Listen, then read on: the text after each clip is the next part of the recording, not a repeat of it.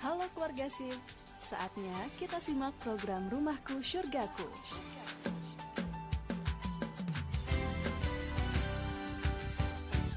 Rumahku Surgaku bersama Ustadz Ali Margosim, seorang praktisi keluarga bahagia.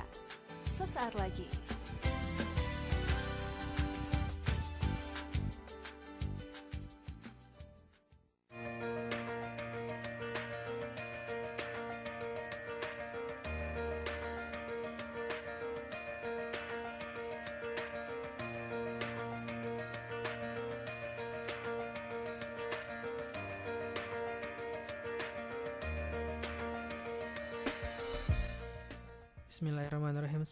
Assalamualaikum warahmatullahi wabarakatuh. 105,8 Radio FM Inspirasi keluarga Anda. Selamat pagi keluarga Sip di mana pun Anda berada. Senang sekali sahabat siar Anda Hafiz Alkifari Bisa kembali hadir mengisi ruang dengar Anda. Tentunya di hari ini di hari Selasa ya. Di jam 10 pagi di program yang sama Seperti biasanya kita berada di program Rumahku Surgaku Tentunya program ini hadir berkat kerjasama Radio CPFM dan juga UPZ Yayasan Alumni Fakultas Kedokteran Universitas Andalas keluarga SIP ya. Dan seperti biasa, kita bakal bersama dengan narasumber kita yakni seorang praktisi keluarga bahagia, ada Ustadz Ali Margosim. Kita sapa dulu. Assalamualaikum Ustadz. Waalaikumsalam warahmatullahi wabarakatuh. Sehat ya Ustadz ya? Alhamdulillah. Alhamdulillah. Oke, berbicara mengenai um, mencintai dengan cara yang salah nih Ustaz ya. Yang Ya. tema kita sekarang adalah mengenai ketika mencintai dengan cara yang salah. Nah mungkin dari tema-tema sebelumnya nih Ustaz, dari berdua bukan untuk mendua, jihad dalam pernikahan dan sebagainya macamnya. Kalau berbicara mengenai ketika mencintai dengan cara yang salah ini, apa sih maksudnya Ustaz? Ya, eh, Bismillahirrahmanirrahim. Assalamualaikum warahmatullahi wabarakatuh. Waalaikumsalam. Pendengar setia program Rumahku Surgaku di SIP Radio FM 105,8 yang saya cintai.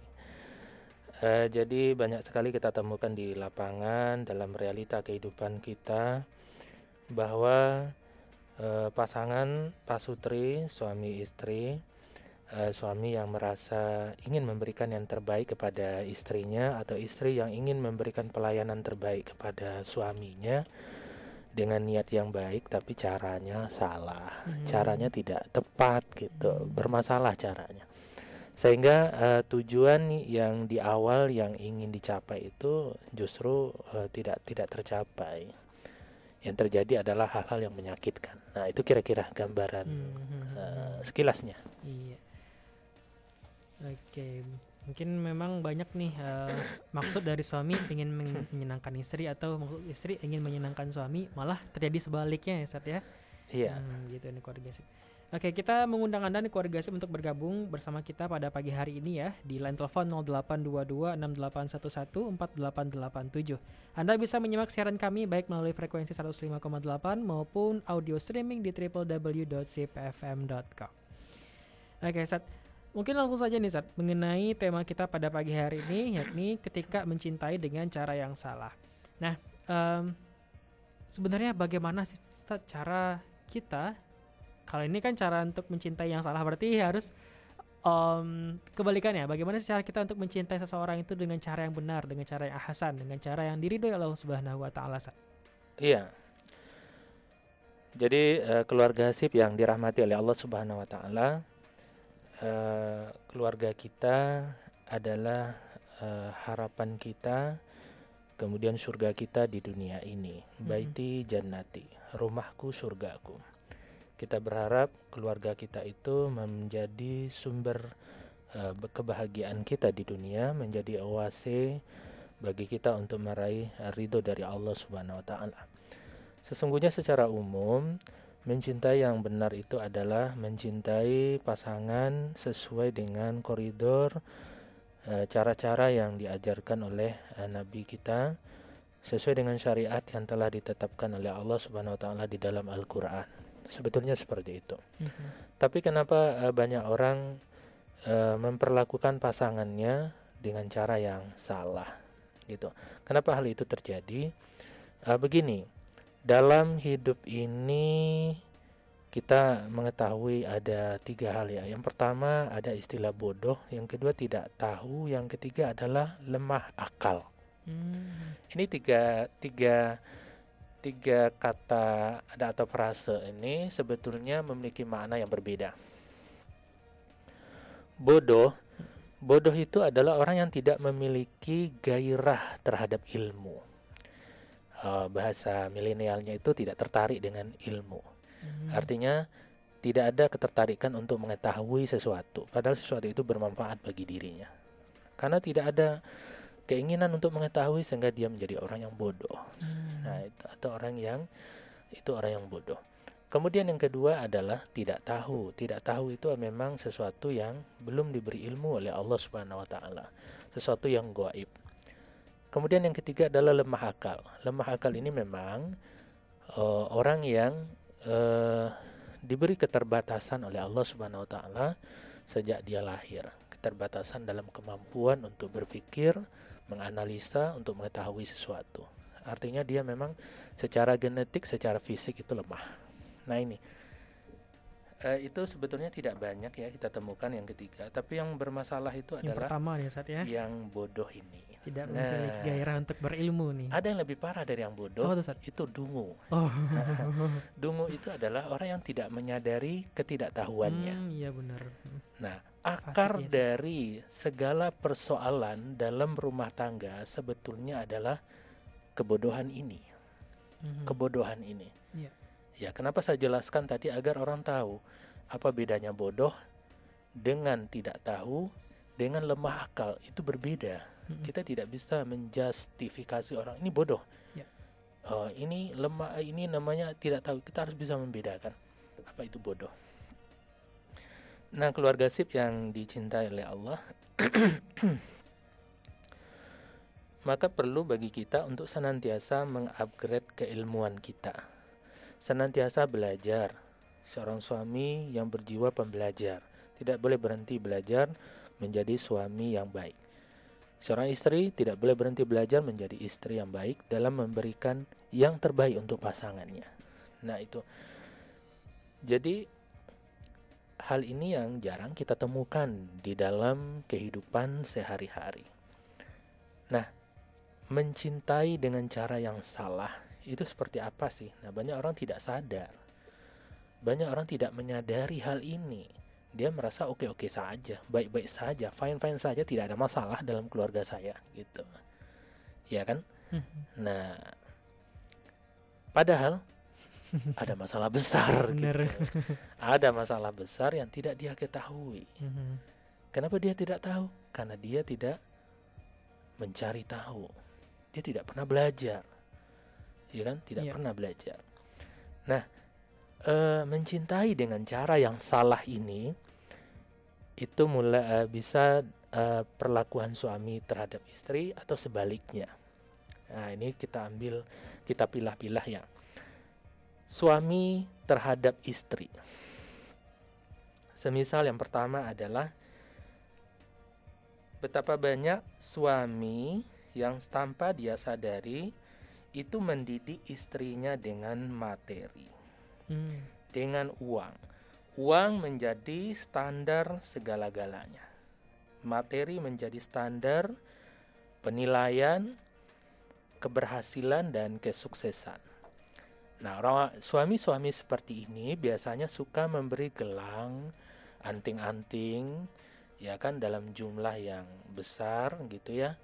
Pokoknya eh, dia memberi kebahagiaan istrinya mm -hmm. itu dalam bentuk materi dan dia menganggap itulah sumber kebahagiaan dan prestasinya sebagai seorang suami.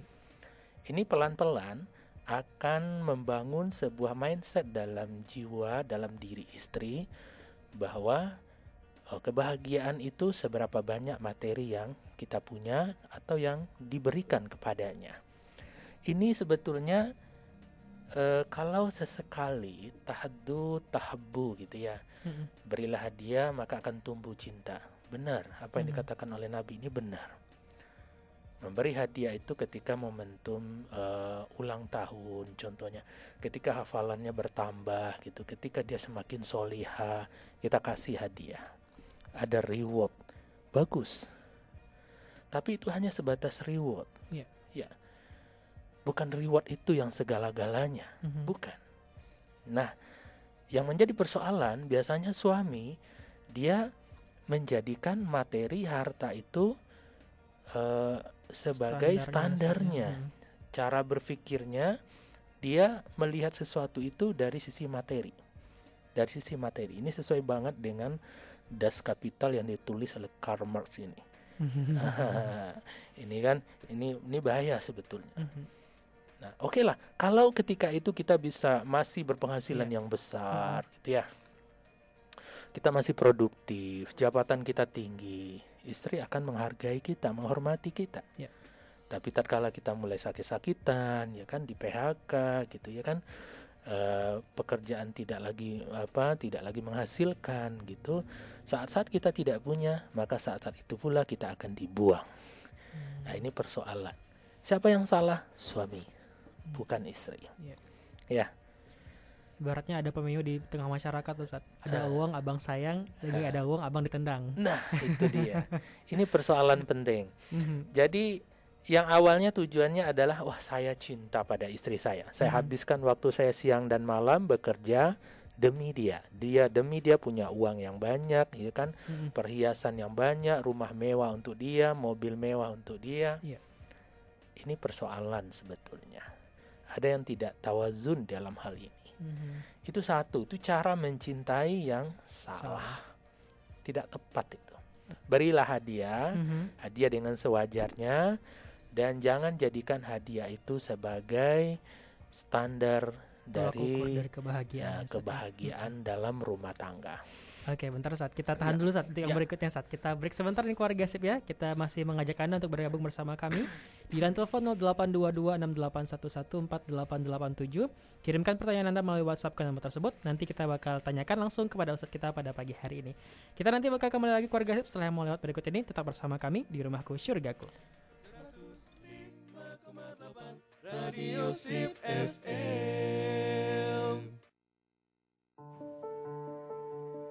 Keluarga Sip, mari peduli, lindungi, dan bantu hentikan penyebaran COVID-19 dengan aplikasi Peduli Lindungi. Aplikasi Peduli Lindungi dirancang oleh Kominfo dan Kementerian BUMN untuk digunakan dalam mengatasi pandemi COVID-19 di Indonesia. Aplikasi ini mengandalkan kepedulian dan partisipasi masyarakat untuk saling membagikan data lokasinya. Cukup dengan mengaktifkan akses Bluetooth saat bepergian agar penelusuran riwayat kontak dengan penderita COVID-19 dapat dilakukan.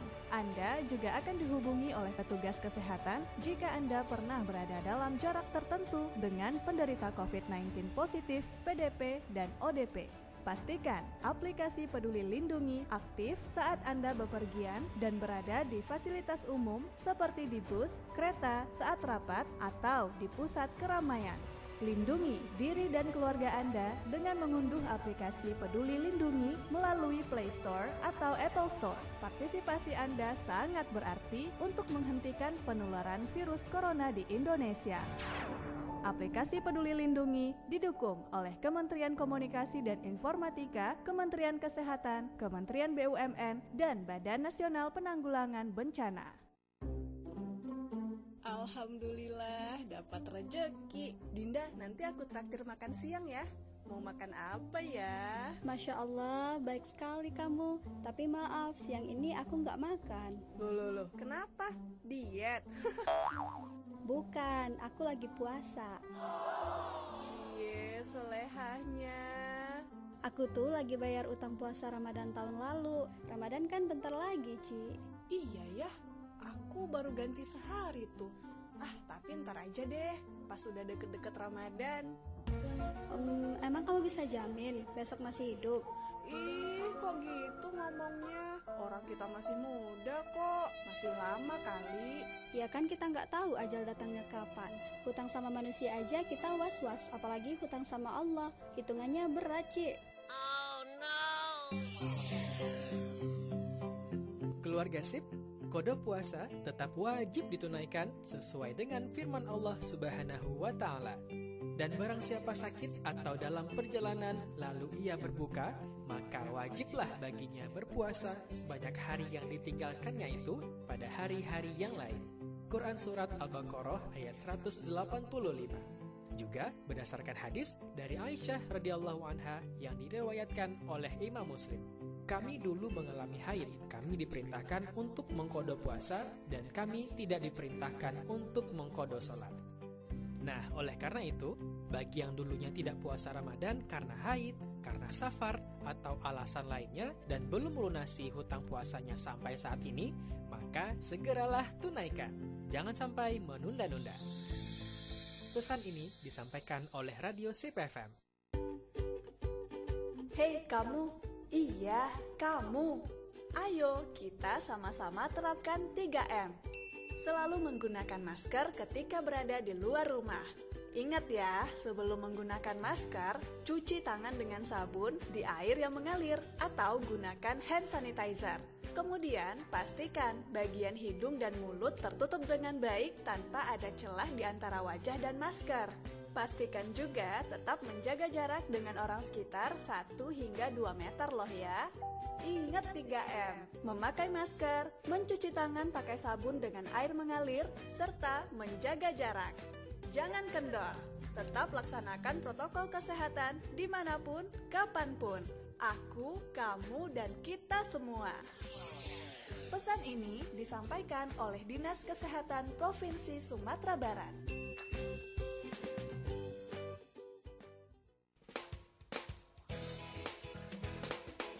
Seratus lima koma delapan Radio Sip FM Inspirasi keluarga Anda.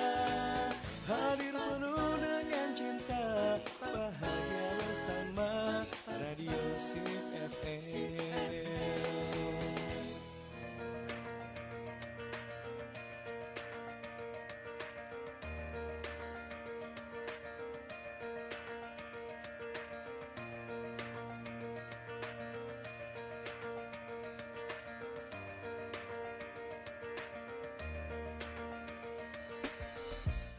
105,8 Radio Sip FM Inspirasi Keluarga Anda. Masih bersama kami keluarga Sip di program Rumahku Surgaku Wujudkan keluarga idaman, dambaan kita semua. Dan kita juga masih bersama dengan narasumber kita Ustaz Ali Margosim Yang merupakan seorang praktisi keluarga bahagia Dan juga merupakan uh, pengurus dari UPZ Yayasan Omni Fakultas Kedokteran UNAN ya. Dan kita masih uh, membahas mengenai tema kita pada pagi hari ini ketika mencintai dengan cara yang salah nih keluarga sip. Tadi yang di segmen pertama kita membahas uh, sesuatu yang salah yang dilakukan oleh suami kepada istri. Salah satunya adalah mendidik istri dengan uh, materi atau menjadikan materi sebagai standar kebahagiaan ya Sat ya. ya. Nah, berikutnya apa lagi nih Sat? hal-hal yang dilakukan oleh suami yang mungkin tujuannya baik namun ternyata salah nih Sat. Iya, keluarga sip yang dirahmati oleh Allah Subhanahu wa taala, kita lanjutkan. Jadi yang pertama tadi uh, sudah kita sampaikan bahwa menjadikan materi sebagai standar kebahagiaan dalam rumah tangga ternyata ini cara yang salah ya, -hmm. cara yang harus kita perbaiki. Karena ini sesungguhnya adalah uh, adalah bom waktu bagi pasangan itu sendiri dan bagi keawetan ya kelanggengan rumah tangga kita sendiri. Uh, saya punya cerita ini ya kisah. Mm-hmm. Uh, ketika salah seorang teman saya itu mobilnya diserempet sama orang lain dan orang lainnya kabur gitu ya. Mm-hmm. Sehingga terus dia pulang, dia belum sempat memperbaiki. Sesampai di rumah dilihat mobilnya ini lecet sedikit, lecet sedikit. Tiba-tiba istrinya marah. Tiba-tiba istrinya marah, keluarlah kata-kata kasar, kata-kata yang tidak sepantasnya keluar dari mulut seorang istri kepada suaminya dan suami ini diam dia tidak me, tidak merespon ketika itu dia justru mengintrospeksi diri kenapa istri saya seperti ini hmm. nah terus dia berpikir ternyata mobil itu lebih berharga daripada saya ya mobil hmm. ini yang beli saya Benar. pakai duit saya saya bekerja ya. ya kan ketika mobil ini rusak sedikit dia marah-marah ke saya nah mobil ini ternyata lebih berharga dari saya terus dia sampaikan kalau bagimu mobil ini lebih berharga, mobil ini saya perbaiki atau saya belikan yang baru, kamu kembali ke rumah orang tuamu. Wow. Nah, gitu. Setelah itu sang istri ini mentak-mentak ya kan mencela apa namanya uh, tidak tidak apa tidak enakan hati ya menangis terus minta maaf. Nah setelah dia introspeksi diri dia baru sadar ternyata selama ini dia tanpa dia sadari dia mendidik istrinya dengan materi. Standar kebahagiaan dalam rumah tangganya selama ini yang dia sendiri ciptakan itu adalah materi. Ya kan? Uh, uang adalah segala-galanya. Mm-hmm. Nah, kita uh, ini ini tidak tepat, ya. Segala-galanya memang butuh uang, Betul. tapi uang bukan segala-galanya. Mm-hmm. Nah, ini. Nah, ini kita berharap tidak terjadi pada pasangan kita. Jangan sampai motor ternyata lebih berharga daripada kita gitu ya kan. ternyata uh, HP atau alat-alat elektronik lain ketika rusak istri marah-marah itu kan dengan wajah yang begitu menakutkan ternyata lebih berharga daripada kita. Salah siapa? Salah kita hmm. sendiri karena kita sendiri yang membangun kondisi seperti itu. Iya. Kemudian eh, yang kedua, nah ini cemburu. cemburu ini sebetulnya tanda sayang. Iya. Ya, orang yang cemburu kalau ada suami atau istri yang cemburu, ya istri cemburu kepada suaminya gitu, itu pertanda sayang itu kuat. Mm-hmm. Artinya ini kan bagus. Yeah. Ini kan bentuk dari cinta. Yeah. Tapi mm-hmm. ketika cemburu ini cemburu buta, mm-hmm. nah, salah alamat gitu ya, yeah. salah sasaran gitu, atau over berlebih-lebihan. Yeah. Nah, ini persoalan yang sering kali membuat rumah tangga itu jadi berantakan bahkan bisa. Hmm. Cemburu itu sewajarnya saja, ya kan? Betul. Cemburu dalam kebaikan, yeah. contohnya itu. Jadi ini penting juga. Nah, kemudian yang ketiga, nah ini menuruti semua kemauan istri. Abang, kita beli motor dong, beli ini, beli itu, beli itu, beli itu, sehingga gajinya habis untuk untuk uh, beli ini, beli itu. Kemudian bulan depan lagi gajian beli ini beli itu. Akhirnya ketika iman lemah, akhirnya kita berpikir untuk berbuat curang, serong gitu ya, atau berbuat hal yang tidak tidak baik. Nah, ini juga tidak bagus. Sayang pada istri bukan berarti mengikuti seluruh keinginannya. Kita harus selektif dan kita harus tahu mana keinginannya dan mana kebutuhannya. Hmm. Kita harus penuhi kebutuhannya tapi tidak dengan keinginannya. Harus bijak. Benar. Ya kan? Harus bijak. Keinginan istri harus diselektif. Apakah itu kebutuhannya? Oh iya, kalau kebutuhannya kita penuhi karena itu kewajiban kita. Kemudian yang keempat adalah ah kita tahu ya ada burung di dalam sangkar emas, sangkarnya sangat bagus, bahkan yeah. harganya jutaan gitu ya. Mm. Tapi burungnya nggak bisa ngapa-ngapain, nggak bisa keluar mm. gitu yeah. di dalam aja. Ini kita temukan banyak juga seorang suami yang memperlakukan istrinya seperti burung dalam sangkar. Mm. Rumahnya bagus, fasilitasnya lengkap di dalam, tapi istrinya nggak pernah diajak tuh rekreasi kayak ke pantai, ke gunung gitu kan, jalan-jalan tuh nggak ada. Ah, ini juga tidak bagus. Sayang ke istri bukan berarti mengekang fisiknya, mengekang kebebasan berekspresinya. Yang perlu kita lakukan adalah memanage dengan baik, mengatur, mengel mengelola dengan baik. Itu yang perlu kita lakukan. Orang tuh nggak bisa dikekang karena dia adalah manusia yang bebas, manusia yang merdeka. Namun kebebasannya kebebasan yang terarah. Hmm ini juga ya yang keempat. Kemudian uh, apa lagi?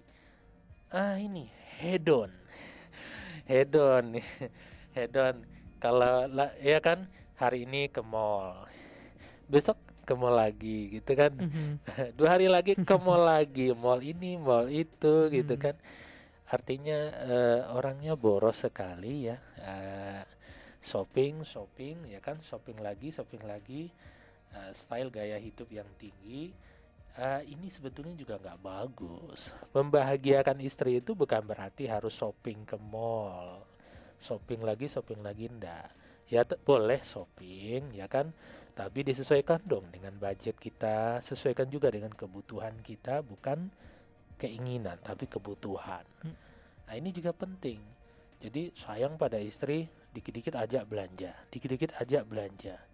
Ya kalau kita dari dari keluarga yang kaya raya, keturunan sultan mungkin, ya boleh boleh ya, boleh boleh saja, tapi tetap tidak menjadi contoh yang baik. Iya. Karena kita akan menjadi uh, temannya setan ya. Innal mubazzirina kanu ikhwana syaitan. Inna Hmm. syaitan lakum aduwwum mubin.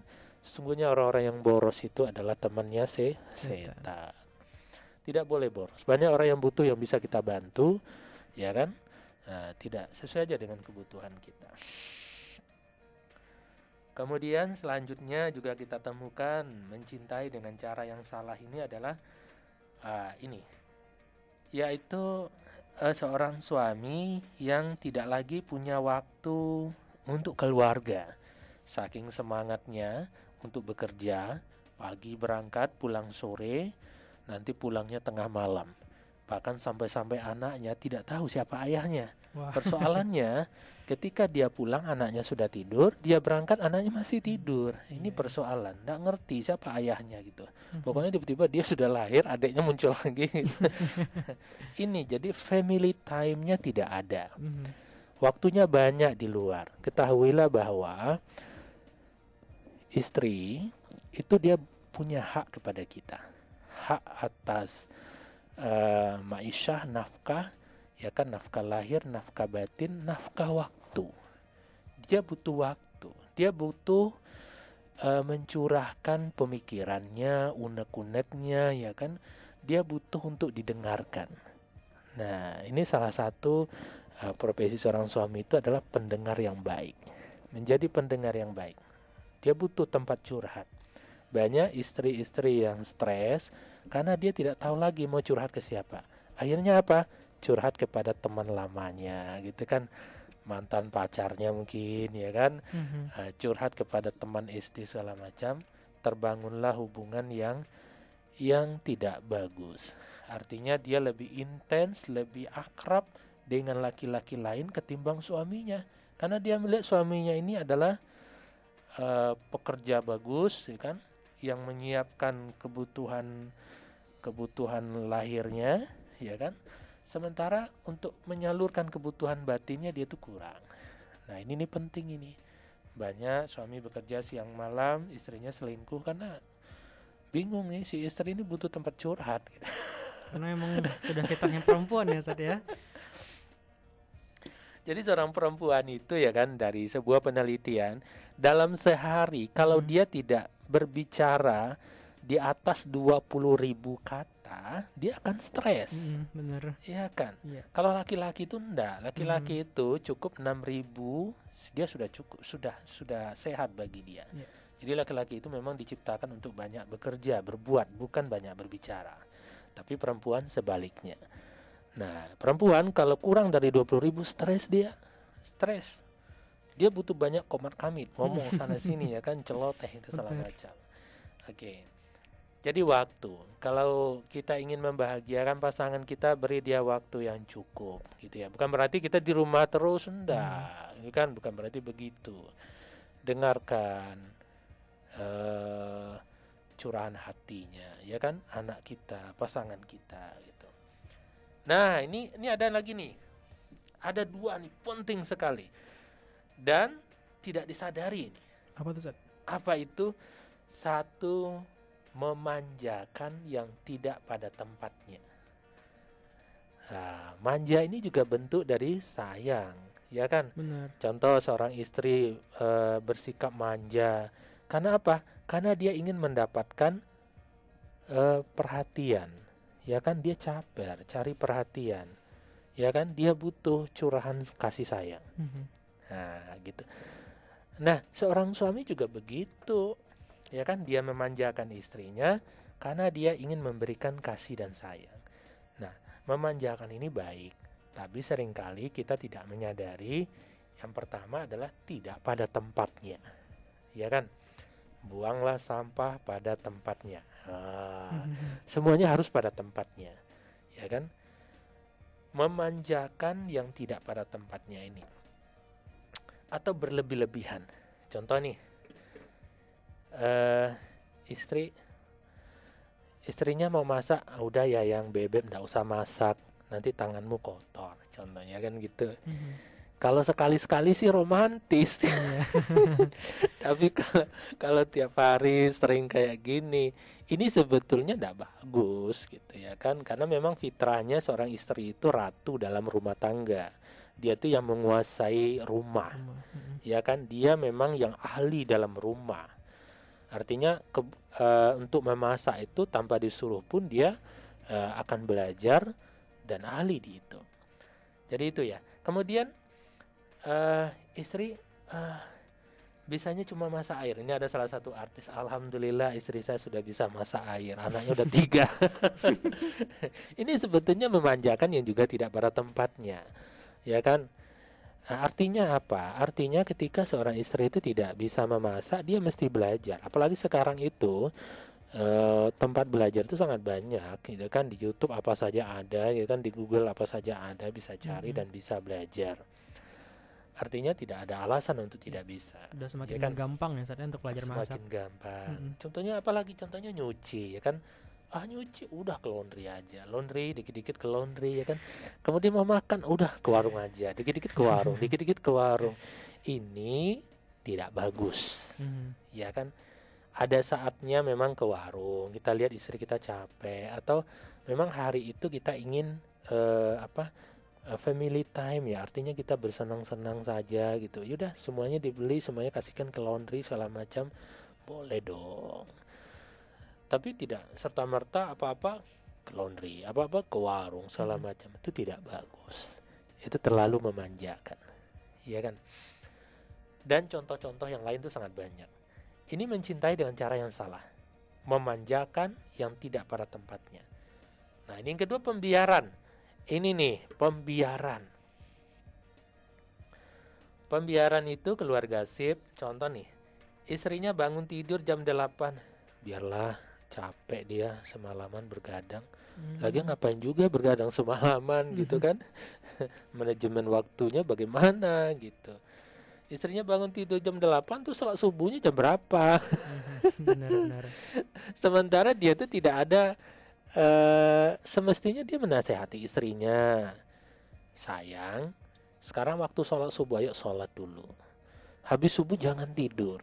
Rasulullah tidak menganjurkan demikian nanti kalau mau tidur setelah waktu duha silakan tidur. Contoh kan begitu. Nah ini penting. Ini namanya pembiaran. Dan sekali dua kali mungkin bentuk dari cinta kasih sayang. Udah dia capek kan kasihan. Ya biarlah dia tidur biar badannya fresh. Padahal secara ilmiah itu tidak betul ya kan? Mhm. Nah, biar dia fresh. Itu kan alasan yang sebetulnya karena cinta. Ya ya kan? Dalam tanda petik oh saya cinta. Biarinlah dia tidur coba ini terus berlarut berlarut dan berlarut. Setiap pagi bangunnya jam 8 besok jam 9 lagi bangunnya gitu. Kapan ngurus anak? Kapan ngurus rumah? Kita harus kerja kan? Semuanya jadi berantakan. Iya. ini mencintai dengan cara yang salah. Kemudian apa lagi? Istri nggak bisa baca Quran dibiarkan. Ya Hmm. sudahlah kan ada tab itu kan apa tinggal putar gitu. HP ada Al-Quran tinggal didengerin kalau nggak bisa baca kan bisa mendengar pahalanya ya hampir sama saja. Wa iza quriatil Quran fastami'ulah kalau dibacakan Quran dengar kalau nggak bisa baca ya kita mendengar. Ya enggak betul Hmm. ya kan? Nggak bisa baca Quran gimana caranya? Dia harus bisa. Tidak boleh dibiarkan. Kalau kita membiarkan justru bentuk dari kita tidak mencintainya. Kalau kita mencintainya kita harus eh, menyemangati dia agar dia bisa. Nggak bisa sholat tidak kenal tata kerama adab sopan santun dan segala macam. Ya kan? Ini tidak boleh dibiarkan. Nah ini kesalahan yang fatal. Ya kan? Kemudian ah pola makan yang tidak sehat. Pola makan yang tidak sehat istrinya nggak selera gitu kan. Oh, di rumah makanannya itu itu saja gitu Eh, dan harus kita yang beliin ke mana ke warung ke warung tiba-tiba kita sibuk terus dia nggak makan ya kan Nah, makannya cuma sek- sehari sekali atau nggak makan seharian puasa nggak puasa bukan puasa Bukan namanya cuma nggak makan aja seharian Iya. ini pola makan tidak sehat ya kan Hmm. tidak teratur ini menjadi penyakit. Nah, ketika kita biarkan ini juga nggak bagus. Ini bukan bentuk dari cinta. Istri nggak menutup aurat ketika keluar rumah. Ada juga banyak ah istri itu cantik. Kalau dia keluar itu kan kelihatan cantik, saya jadi bangga. Ini bukan bentuk dari cinta. Kalau kita mencintai istri kita, maka ketika keluar rumah kita akan menuntun dia menjadi seorang muslimah yang baik gitu yang menutup auratnya sehingga dirinya itu aman dan tidak terjaga apa dia tidak diganggu sama orang lain jadi uh, ada begitu banyak eh, persoalan-persoalan sebetulnya dalam rumah tangga yang terkadang kita tuh tidak menyadari. Kenapa kita tidak menyadari? Karena kita tidak pernah uh, mencari tahu belajar akan uh, kebodohan ketidaktahuan diri kita. Untuk kita ketahui ketidaktahuan kita, kebodohan kita adalah kejahatan kita yang sesungguhnya. Apalagi di saat sekarang tidak ada alasan untuk tidak tahu. Ada banyak media untuk bisa kita mengupgrade diri kita. Iya. Ada banyak media. Nah, keluarga sip yang dirahmati oleh Allah itu kiranya uh, ketika mencintai dengan cara yang salah. Di awal-awal mungkin tidak begitu terasa, tapi seiring berjalannya waktu mengarungi samudera pernikahan ini, maka kita yang mencintai kelak akan akan merasakan sendiri akibat dari cara-cara kita yang tidak tepat. Mungkin demikian. Ya, ya itu dia keluarga sip ya uh, mengenai tema kita pada pagi hari ini ketika mencintai dengan cara yang salah. Ada banyak hal nih keluarga SPP yang bisa kita jadikan pembelajaran pada pagi hari ini mulai dari ya, berbagai macam hal tadi ya ada menjadi istri dengan materi, membujuk dan sebagainya macamnya. Oke, baiklah keluarga SIP kita masih menantikan atensi Anda untuk bergabung pada pagi hari ini di line telepon 082268114887. Nanti kita masih ada waktu untuk segmen terakhir dan kita masih uh, buka sesi pertanyaan untuk Anda semua keluarga SIP ya. Silakan kirimkan pertanyaan Anda ke line interaktif kami di 082268114887. Nanti kita bakal kembali lagi setelah satu ini tetap bersama kami hanya di rumahku surgaku hanya di Radio Sip FM. Radio Sip FM.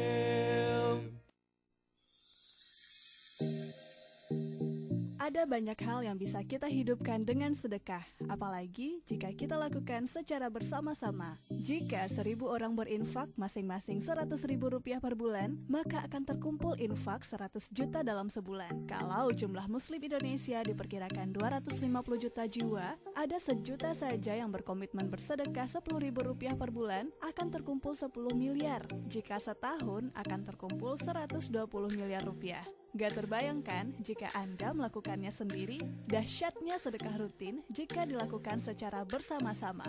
Ayo bergabung dengan member lainnya untuk mewujudkan sejuta member Sedako Community. Kami hadir untuk memudahkan Anda menjadi donatur yang secara rutin bersedekah untuk merealisasikan berbagai program kebaikan, di antaranya program pendidikan seperti beasiswa yatim dan duafa dan beasiswa tafis, program pengembangan sosial seperti rumah tafis dan rumah yatim yatim, serta program dakwah seperti kafalah duat dan layanan masjid binaan. Daftarkan diri Anda menjadi anggota Sadako Community dengan cara mengisi formulir di kantor Las Risalah Charity, Jalan Pasir Parupuk Raya, nomor 92C, Parupuk Tabing, Kecamatan Kota Tangah, Kota Padang, atau daftar via SMS atau WhatsApp dengan menuliskan nama, alamat, nomor handphone, dan jumlah sedekah rutin, lalu kirimkan ke nomor 0812 7688 6882 atau 0853 7447 0070. Sadako Community, berkah dan bahagia.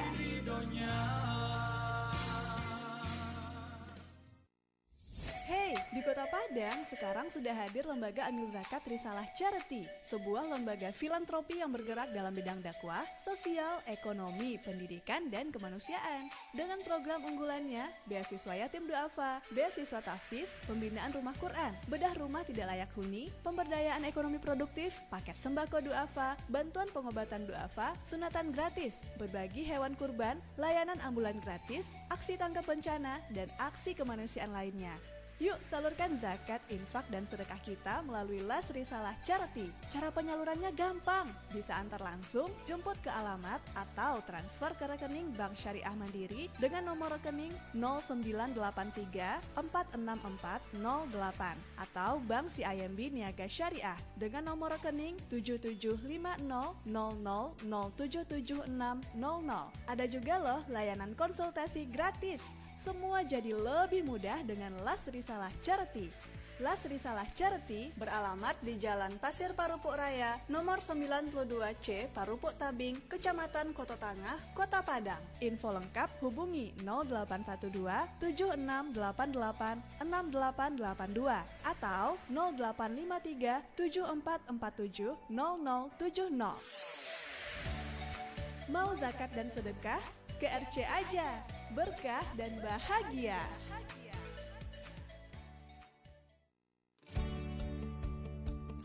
Punya keluarga harmonis pastinya dambaan setiap insan. Rumah tangga bak surga tentu selalu dirindukan.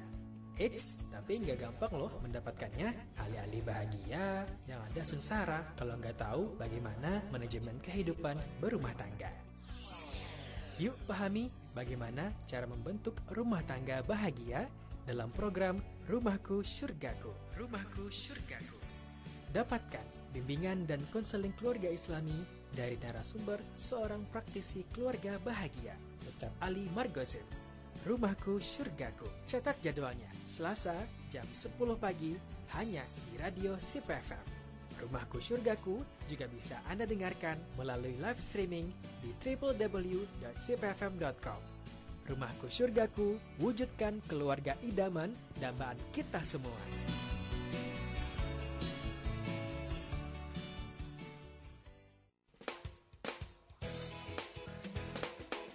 Seratus lima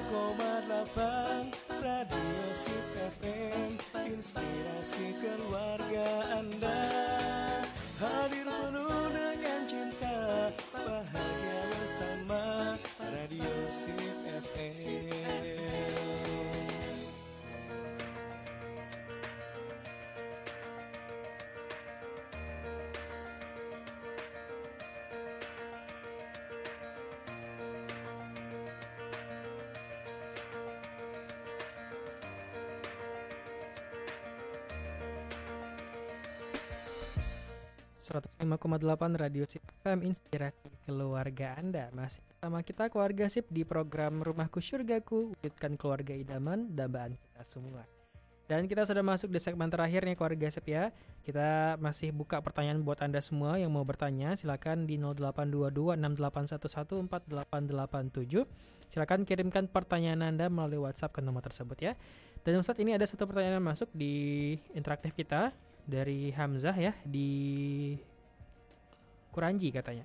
Ya. Ustaz, bagaimana langkah kita uh, jika kita menyadari karena kalau kita ini mencintai dengan cara yang salah, Ustaz. Kita sudah sadar nih, Ustaz, kalau kita ini mencintai dia dengan cara yang salah. Nah, apa yang harus kita lakukan berikutnya katanya?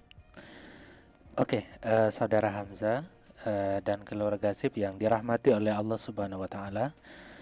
Uh, kita bersyukur sekali ketika kita sudah menyadari ternyata selama ini kita telah mencintai pasangan kita dengan cara yang salah. Maka langkah pertama adalah dengan memohon ampun kepada Allah Subhanahu wa taala, kita bertobat, kita beristighfar kepada Allah, semoga Allah mengampuni. Kemudian yang kedua adalah meminta maaf kepada pasangan kita. Mm -hmm. Meminta maaf kepada pasangan kita. Kemudian yang ketiga adalah berupaya membangun komunikasi yang efektif, komunikasi yang lancar dengan pasangan kita. Itu penting sekali. E, komunikasi ini sering kali menjadi bumerang ya, menjadi penghancur yang luar biasa dalam e, kelanggengan rumah tangga di mana terjadi miskomunikasi. Yang suami bilang maksudnya begini, ya istri nangkapnya begitu, Iya. ternyata tidak nyambung dan ini menjadi masalah. Mhm. Sehingga eh, penting bagi pasangan suami istri untuk banyak-banyak family time berdua saja ya kan Eh, dengan suami ketika anak-anak sudah tidur kita bercerita. Kita saling curhat, saling mendengarkan menjadi pendengar yang baik. Terutama di sini suami menjadi pendengar yang baik. Maunya istri itu seperti apa, pengennya bagaimana, itu didengarkan semua sampai selesai, sampai dia capek itu. Setelah itu baru kita komentari dengan tidak perlu banyak berkomentar. Itu. Kemudian adalah penguatan komitmen. Komitmen ini penting ya. eh bahwa kita menikah itu dalam rangka mencari keridoan dari Allah Subhanahu wa taala. Itu satu. Kemudian yang kedua bahwa kita menikah kita harus memahami bahwa dan kita berikhtiar bahwa rumah tangga kita ini mestilah menjadi surga kita di dunia ini. Bagaimana rumah tangga kita itu nyaman, bagaimana rumah tangga kita itu betah kita di sana gitu. Betul-betul kita merasakan nikmat berumah tangga. Itu Mhm. beda ya. Iya. Nikmatnya berumah tangga. Nikmatnya berumah tangga itu seperti eh, perlakuan dari seorang eh, bagaimana seorang suami menghargai kerja-kerja istrinya. Bagaimana seorang istri juga menghormati suaminya, memberikan pelayanan terbaik, saling memahami, saling mengerti. Makanya sebelumnya sering saya sampaikan bahwa keluarga yang ideal itu dibangun atas pondasi cinta, Mhm. diisi dengan pengabdian, dirawat dengan pengertian, dan dilanggengkan dengan kesetiaan. Ah, itu kata kuncinya begitu. Jadi pondasi cinta ini mesti kuat dan harus selalu dikuatkan. Makanya tema sebelumnya kita ingin bahwa cinta itu kalau bisa cinta yang bertumbuh. Terus bertumbuh semakin lama semakin membesar, semakin merasakan kita nikmatnya berkeluarga. Bahwa menikah itu tidak menimbulkan kegusaran gitu. Ketidaktenangan, menambah masalah tidak. Mhm. Menikah itu justru menjadikan masalah besar terasa lebih ringan. Yang berat terasa lebih ringan, yang besar menjadi terasa lebih kecil. Kemudian bersama-sama untuk bertumbuh di sana, menjadi sosok yang semakin baik, semakin baik ilmunya, semakin baik penampilannya, semakin baik eh, eh, bagaimana tata adabnya, sikapnya, semakin baik juga ibadahnya gitu. Artinya harus eh, ziyadatul khair. Nah, ziyadatul khair itu salah satu ciri dari keluarga yang berkah, barokah ya. Ziyadatul khair itu selalu bertambah kebaikan-kebaikan dalam rumah tangga itu. Nah, demikian. Mhm, Begitu nih eh, Pak Hamzah ya, semoga pertanyaannya sudah terjawab pertanyaannya tadi ya. Saat ini juga ada pertanyaan masuk ini dari 0852 sekian sekian sekian. Dia bertanya apakah jatuh cinta tapi tidak berani mengutarakannya sebuah kesalahan Sat. Ah, bagi saya itu sebuah kesalahan. Hmm. ya ini dia ada calon cuman belum sampai nih dia menyat- menyatakan cintanya nih Sat. Jadi begini dalam hidup ini ya, dia itu ini ya masih single berarti ya. Mhm. Jadi begini, dalam hidup ini kita harus berani berbuat, berani bertanggung jawab pastinya. Artinya eh, kalau orang Minang, kita kan orang Minang ya. Iya. Nah, berani apa namanya? Kalau tidak kaya berani pakai. Hmm. Ya, kalau kita tidak kaya artinya kita kita itu eh artinya eh, dari sisi yang pertama yang pertama kaya itu materi pertama, yang kedua kaya ilmu, ya kan? Ah, gitu. Kita nggak punya kedua-duanya itu nggak punya gitu. Orang biasa ya kan? Iya. Ya kalau kita nggak punya kedua-duanya ya kita harus berani. Kita harus berani. Itu modal seorang lelaki. Makanya ada peribahasa Arab yang selalu saya ingat-ingat ketika lupa tuh saya nyari-nyari apa ya? Himmatu rijal tahdimul jibal. Maknanya adalah cita-cita seorang pemuda itu itu harus lebih hebat, lebih kokoh, lebih lebih kuat daripada sebuah gunung yang besar. Hmm. Wah, gitu tuh kan luar biasa. Jadi jatuh cinta. Sebetulnya saya tidak begitu uh, tertarik dengan kalimat uh, frase jatuh cinta. Saya lebih senang itu membangun cinta.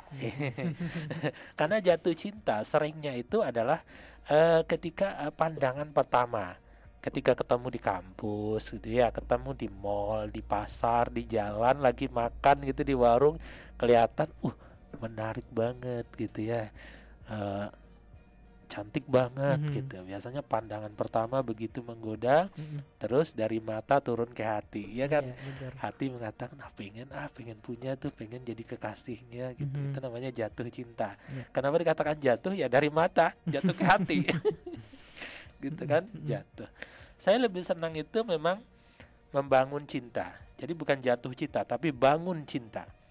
Orang yang jatuh sering kali merasa sakit. Iya enggak? Hmm, benar. Kenapa sakit? Yang pertama tidak berani mengutarakan, nembak dia nggak berani gitu yeah. ya. Jangan-jangan dia anak sultan gitu. Tuh. Uh, yang kedua, uh, kita uh, belum pantas untuk dia atau apalagi kalau kita lihat dia bawa mobil gitu kan penampilannya kinclong gitu. Ah nggak level ya. Kita nampaknya saya nggak level nggak selevel dengan dia gitu. Mm -hmm. uh, tapi pengen memiliki dia. Saya nggak sakit dong. Sakit pastinya. Kan iya, mau uh. makan kebayang dia. Mau tidur terbayang dia. Ya siang malam yang terbayang dia. Gitu. galau deh. Galau jadinya. Nah saya kira itu nggak bagus. Tapi yang bagus apa? Bangun cinta. Mm -hmm bangun cinta itu begini. Satu memantaskan diri. Memantaskan diri untuk siap menuju ke pelaminan. Apa? Yang pertama yang dipantaskan dari sisi keilmuan sakofahnya. Ya. Kemudian yang kedua yang perlu dipantaskan itu adalah memang secara fisik kita sehat. Ya kalau sakit ya kita berobat dulu gitu kan? Hmm. yang ketiga yang kita pantaskan adalah uh, kekuatan finansial Artinya kita kalau bisa sudah bekerja atau sudah punya tabungan gitu ya kan, tabungan untuk menikah dan pasca nikah. Nah, ada yang begitu, dia nggak punya pekerjaan karena dia uh, dulu bekerja habis itu nganggur gitu kan. Nah, dia punya modal untuk menikah dan pasca menikah dia punya. Nah, maka lanjutkanlah. Nah, itu namanya bangun cinta. Nah, selanjutnya bagaimana? Datangi dong rumah hmm. orang tuanya dengan gentle lamar anaknya. Itu bangun cinta namanya. Yeah. iya ya kan? Itu bangun cinta. Jadi bagi saudara Hamzah tadi yang ketika jatuh cinta tapi tidak berani untuk mengutarakannya ya saya sarankan uh, hindarilah untuk jatuh cinta. Hmm. atau kalau tidak temui dia ya kan? Temui dia dan sampaikan. Tapi ini uh, kecenderungannya agak berbahaya. Kenapa begitu? Karena memang uh, yang menjadi motivasi uh, menikah dengan dia adalah motivasi fisik, motivasi sahwat ya. Mm-hmm. Itu sebetulnya tidak pas. Yang kedua kita minim pengetahuan tentang dia.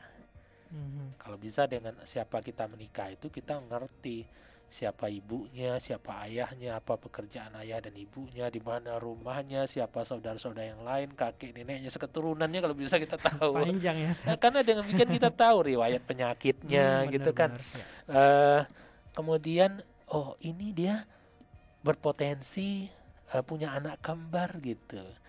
Oh, saya harus siap gak ya? Siap gak ya nanti punya anak kembar? Ya semuanya kita pelajari sila-sila itu penting sih tapi yang paling penting adalah fazfarta bidzatid taribat siadaka lihat agamanya. Iya kan?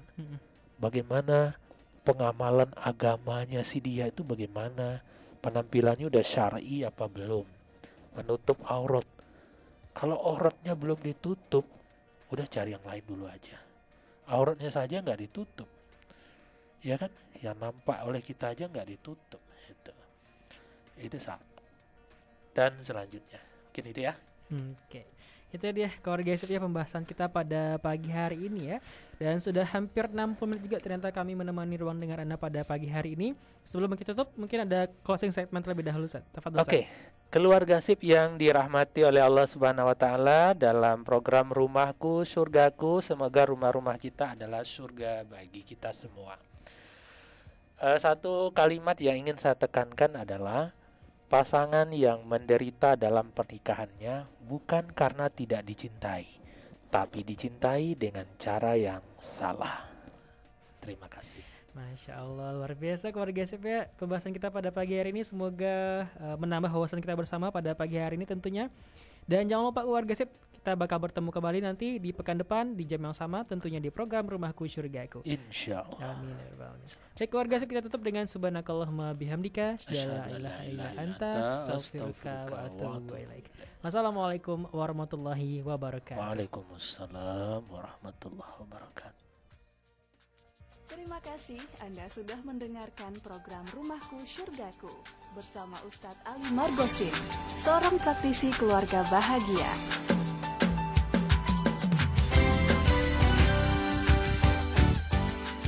Rumahku Surgaku, kerjasama Radio Sip FM dan UPZ Yayasan Alumni Fakultas Kedokteran Universitas Andalas.